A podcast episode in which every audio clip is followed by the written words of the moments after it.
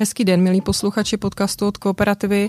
Dnes se tu opět potkávám s milým hostem Štěpánem Minaříkem. Ahoj Štěpáne. Ahoj. Eh, Štěpán je z týmu životního pojištění a říkám znovu, protože už jsme tady jednou spolu seděli a povídali si o Flexi.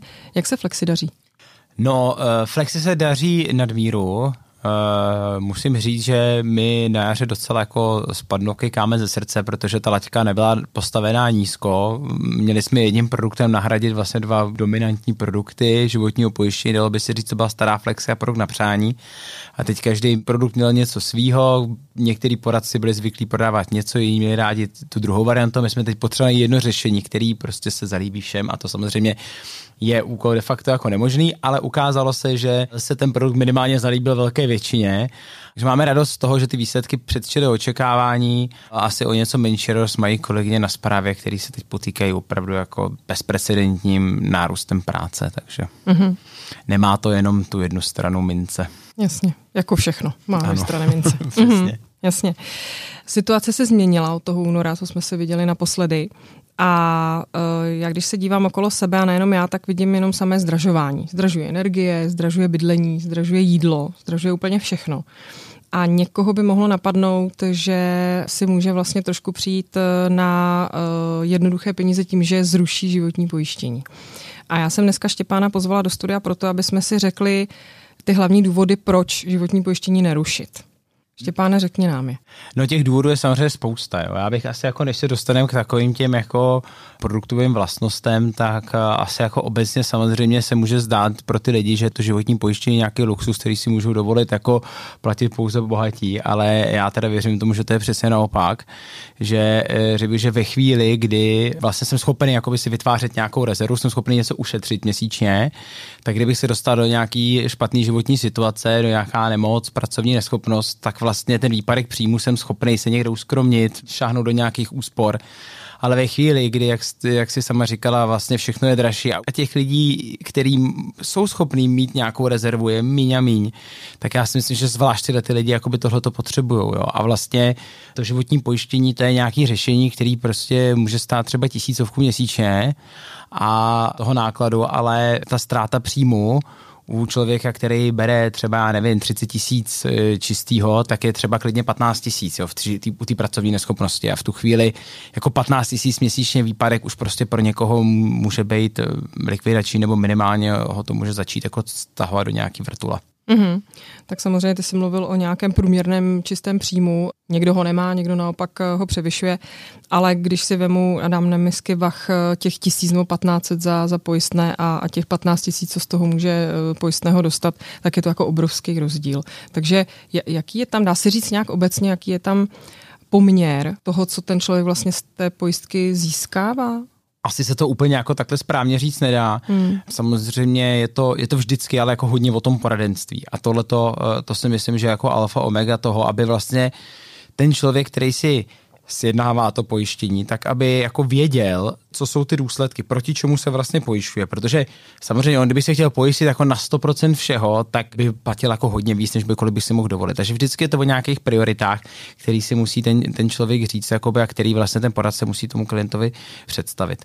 Mm-hmm. A, ale samozřejmě jako, jak říkám, prostě výpadek, i když si vezmeme tu stručnou věc jako výpadek 15 tisíc měsíčně prostě pro člověka, který v podstatě není schopný ušetřit mm. tisícovku na pojištění. Je velká ztráta. Je velká ztráta, takže ono to mm. zní, jakoby, že vlastně zrušení životního pojištění jsou takový jednoduchý peníze, uh-huh. který si jako zruším, protože povinný ručení zrušit nemůžu, když to tak řeknu.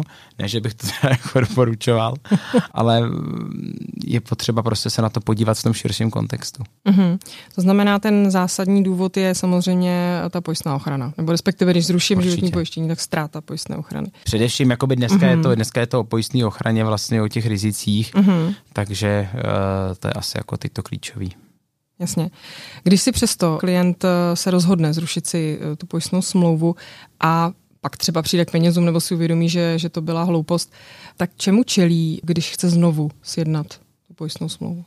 No, tak především je to o, o těch zdravotních rizicích a o tom zdravotním stavu toho klienta. Jo. Životní pojištění má to specifikum, že to je produkt dlouhodobý a produkt, který vlastně ani pojišťovna nemůže jako vypovědět. Eh, je to o tom, že vlastně člověk si sjednává to, tu smlouvu ve chvíli, kdy je mladý a zdravý a pojišťovna garantuje, že až to tak nebude, až ten klient bude starší a nemocný, tak vlastně za tu samou, za ty samé peníze mu poskytne tu samou pojistnou ochranu jako předtím. A samozřejmě on jako čas běží a ten člověk si nemusí uvědomit, že třeba už se začal s něčím léčit během toho, co tu smlouvu má, a nebo to ani nemusí být o tom, že se jako vyloženě začal s něčím léčit. Jo? Může to být o tom, že prostě mezi tím jako bude mít vyšší krevní tlak, vyšší cholesterol, horší životní styl. A to všechno prostě může znamenat, že když ten klient přijde znova do ty pojišťovny o 10 let starší, než když přišel naposled, tak kromě toho, že pravděpodobně to pojištění bude mít dražší, tak dost možná jako na některá rizika ani nepojistíme, nebo dostane ten člověk jako výluky na specifické onemocnění a a pak už se to řeší jako hůř, no. Hmm, a je to dražší hlavně. A je to určitě dražší, samozřejmě, jakoby, no, tak to je a jako sám se jako potkám s tím, že občas teda nesjednávám pojištění, to bych ani nemohl, ale hmm. občas někdo přijde na nějakou jako konzultaci, jako se prostě poradit a když to jsou lidi prostě, který jako tuhle tu situaci jako promeškali v tom mladším věku, tak vlastně se často jako diví vlastně, jako co, hmm. co vlastně jako jsou ty možnosti. Respektive se sobě myslí, že jsou zdraví, tak co by pojišťovna mohla mít, ale ono je to prostě jako, jak to říct, hezky, klasické opotřebení věkem. Je to přesně tak, kdo je zdravý prostě v nějakém věku už. Jasně. Dobře, tak to jsou ty důvody, které mají nějaké napojení na věk nebo zdravotní stav. Jsou nějaké další důvody, proč nerušit životní pojištění? No a to se dostáváme právě jako k těm, k těm produktovým. Jsou tam nějaký nový třeba čekací doby, které běží, to znamená, že zase ty klienti si něco sjednají, zase chvíli vlastně jakoby nejsou pojištěný na některé věci, protože vlastně znova si je ta pojišťovna vlastně proklepuje, znova jako se na to čeká. Eh, ten klient, že ztratí nějaký bonusy, který má na té smlouvě. Já se jo. ještě zeptám na ty čekací doby. Je nějaká univerzální čekací doba nebo každé riziko to má jinak? Univerzální asi úplně není, ale už ty, už ty čekací doby dřív bývaly klidně půl roku, rok. Mm. Teď je to tak, že u nás máme čekací doby z pravidla na pojištění nemoci dva měsíce mm. a u invalidity dokonce žádnou čekací dobu třeba nemáme. Mm. Ale stejně samozřejmě jsou to ty dva měsíce a prostě samozřejmě klasická smůla, že prostě se člověku něco může v tu chvíli stát. Mm-hmm. To znamená, sjednám si životní pojištění a až za dva měsíce jsem vlastně krytá. Na pojištění nemoci, ano. Ano na pojištění nemoci. Je to vlastně samozřejmě ochrana proti nějaké spekulace, abych ve chvíli, kdy začnu cítit, jakoby, že třeba něco zdravotně není v pořádku, tak abych se jako od druhého dne nepojistil. Jasně. Mm-hmm. Pak tam jsou samozřejmě nějaký bonusy, jakoby, mm-hmm. které tam můžou být, mm-hmm. nějaký věrnostní bonusy nebo bezeškodní bonusy, záleží na, na typu toho produktu, který si zrovna ten klient zruší. Takže z tebe zase nedostanu průměrnou, průměrný bonus na průměrné smlouvě, není to taky. Asi se to nedá takhle mm-hmm. říct. Mm-hmm. Ale můžou, ty benefity můžou být klidně třeba v řádu jako desítek tisíc, jakoby, mm-hmm. o který ten člověk takhle může přijít, to si umím lehce představit. A prostě tam nějaký poplatek jakoby za, za zrušení smlouvy, pokud ta smlouva není nebo je jako nějak mladší. Ten poplatek je kolik asi? U nás máme 350 korun. Uh-huh, uh-huh. To i pro člověka, který nevytáhne z peněženky tu tisícovku za měsíc, může být taky dost.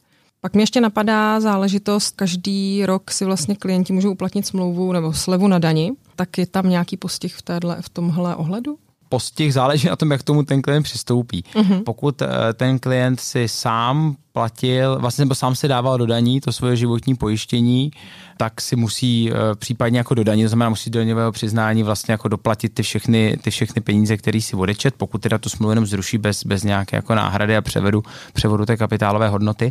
A upozorňuji na to, že je to potřeba dělat i u příspěvku zaměstnavatele. To znamená, pokud jako jsem měl zaměstnavatele, který mi přispívá, tak já e, musím zdanit všechny ty příspěvky, které jsem od něj dostal. To znamená zase dát si to do daňového přiznání, vystavit si potvrzení u toho zaměstnavatele, že mi za celou tu dobu trvání smlouvy vyplatil tolik peněz a to je vlastně něco, co potom taky jako v rámci toho daňového přiznání zase se můžeme dostat jako i s tím příspěvkem třeba k nějakým řádům 10 tisíců jako relativně jednoduše. Je tam ještě nějaký důvod? Potom samozřejmě to jsou věci, které jsou spojeny s tou investiční složkou, kdy samozřejmě za co každou investici se platí nějaký poplatky, to znamená ve chvíli, kdy já jako si to zruším předčasně, tak uh, o část těch poplatků vlastně přijdu a pokud bych si chtěl teda znova jako investovat nebo právě dávat si ty věci do daní, tak uh, zase vlastně jako budu ty náklady jako platit jako znova. Takže mm-hmm. tam bych jako to úplně jako doporučoval tam opravdu jakoby se zamyslet nad tím, jestli neexistuje nějaké jiné řešení, než jako to zrušení, eh, to zrušení té smlouvy. Jako jasně umím si představit, že prostě jsou situace, kdy to zrušení může dávat smysl, mm-hmm. Jo, třeba nevím, ten člověk mohl mezi tím zdědit prostě pět bytů a vlastně žije z toho, z toho nájemného a vlastně životní pojištění, který si sednal v době, kdy byli o život závislí na mzdě, tak, tak teď už ho třeba nepotřebuje. Takže proto vždycky o tom poradenství a spíš se s tím klientem podívat, celkově vlastně na tu jeho finanční situaci a hledat nějakou prostě optimalizaci, protože dost možná se opravdu třeba ty potřeby jako změnily, třeba mu vyrostly děti, možná opravdu jakoby už nepotřebuje tam mít třeba pojištěný ty děti, nepotřebuje tak velkou pojistnou částku na smrt. Takže jako dá se s tím pracovat a opravdu jako to zrušení beru až nějakou poslední možnost. Mm-hmm. Teď jsem hezky nahrál na to, jestli je nějaké řešení nerušit tu životní pojistku, ale nějak klientovi ulevit, nějak mu to slevit. Přesně, takže jak jsem říkal, individuální přístup a zkusit jako se dostat teda tam, co ten klient je schopen platit a nejjednodušší asi věc je teda asi sahat do té investiční části, pokud tam ten klient něco jako má. To znamená, že třeba si říct, dobře, tak já si jako snížím tu investici, nebo už se nebudu investovat vůbec. To, co tam mám vlastně nainvestováno, tak to si tam nechám, mám to tam a kdybych jako se dostal opravdu do nějaký krize, tak jako mám kam sáhnout, ale zase jo, ten člověk si to platil pravděpodobně proto, aby se zajistil jako na situaci postproduktivním věku, aby měl jako takzvaně na důchod mm. a když tu částku vyčerpá jako protože bude nemocný, tak uh, samozřejmě mu to pak bude chybět v budoucnu. A pak je to taky, jak jsem říkal, jako o těch preferencích. Jo. To znamená, uh, jasně, tak ten člověk se mohl zajistit jako na nějaký krátkodobý věci, na nějaký třeba úrazy, na nějakou smrt, invaliditu a tak dále. A může si třeba říct, dobře, tak já tu svoji prioritu jako třeba změním a zaměřím se jakoby jenom na nějakou část těch rizik. No. Takže mm-hmm. vždycky jako se koukat jako do té smlouvy. Takže si pohrát s těma rizikama, ale rozhodně teda neodpojistit to, co už, už teď řeším a už je v nějakém stavu, Dá kdy se. už jinak později by mě pojišťovna do toho stavu vlastně. Tak jako asi ideálně jako to, to, to, co mě pojišťovna, asi bych jako to, to snižování jako by už takový ten první ústupek, mm-hmm. A, ale tam už samozřejmě taky ten klient přijde o to, kdybyste to pak chtěl zase navýšit, tak jako zase už s tím může být jako problém, takže tam bych se jako držel zuby nechty toho, jako co mám, pokud jako furt jako vnímám ty pojištění jako smysluplný, jo. Mm-hmm. To znamená, pokud jako to něco si řeknu, jasně, tohle to už potřeba nemusí být pojištěný, já vím, že nebudu to potřebovat, tak jako tam asi jako se zaměřit dá. Mm-hmm. Může třeba obchodník klientovi pomoct změnou produktu, nabídnout mu prostě jiný produkt životního pojištění? Může být. Spustili jsme program renovace, eh, kterým je možné si starší produkty převést vlastně do nové flexy. Týká se to teda zatím pouze produktů kooperativy, takzvané zelené, to znamená eh, všech produktů, kromě staré flexy. Renovaci ze staré flexy na novou flexi budeme umět až někdy na jaře a tam opravdu může třeba vít to, neplatí to samozřejmě u všech klientů, možná to nebude, protože už mají ty smlouvy nějakou dobu, tak nemusí to možná platit ani u většiny, ale myslím si, že tam, že jich pořád bude docela dost, kdy třeba eh, ten nový produkt pro ně může být výhodnější. Takže vlastně oni jako si můžou zkusit udělat tu renovaci a třeba za stejnou cenu tam mít jako víc těch rizik, anebo prostě klidně jakoby platit míň a třeba si zachovat krytí. Zvlášť se to teda týká jako těch smluv, které jsou jako vysoký, s vysokýma pojistnýma částkama. Jo. To znamená, opravdu ty klienti, kteří platí třeba hodně na těch starších produktech, mm-hmm. tak si jim může vyplatit jako vstoupit do toho nového a zároveň je zajištěno, že vlastně nepřichází o ty garance týkající se toho zdravotního stavu, čekacích dob a výluk a těch mm. všech věcí. Vlastně v žádné renovaci se nemůže stát, že ten klient by jako, pokud se sám tak nerozhodne, najednou nebyl jako krytej na něco, na co původně jako krytej byl. Takže mm-hmm. tam vlastně je to i bezpečí nejenom prostě pro toho klienta, ale i pro toho poradce, že prostě pak mu ten klient nepřijde jako mlátit na dveře, že mm. na to býval pojištěný a že on teď mu dal něco nového a ten to tam nemá. Mm-hmm.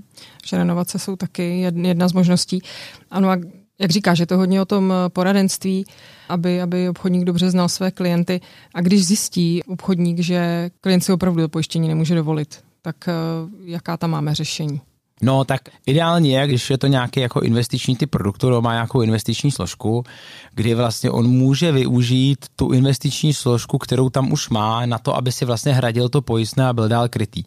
U investičního životního pojištění tak tam uh, máme takzvaný stav bezplacení, mm-hmm. to znamená, že tam ten klient má aspoň na 13 měsíců dostatečnou kapitálovou hodnotu, tak si to může přivízt do toho stavu, um, je dál krytej, takže cokoliv prostě se mu stane, tak se nemusí bát a mezi tím se ta situace třeba nějak vyřeší. Jo? Mm-hmm. Takže tím se dá získat jako dost času.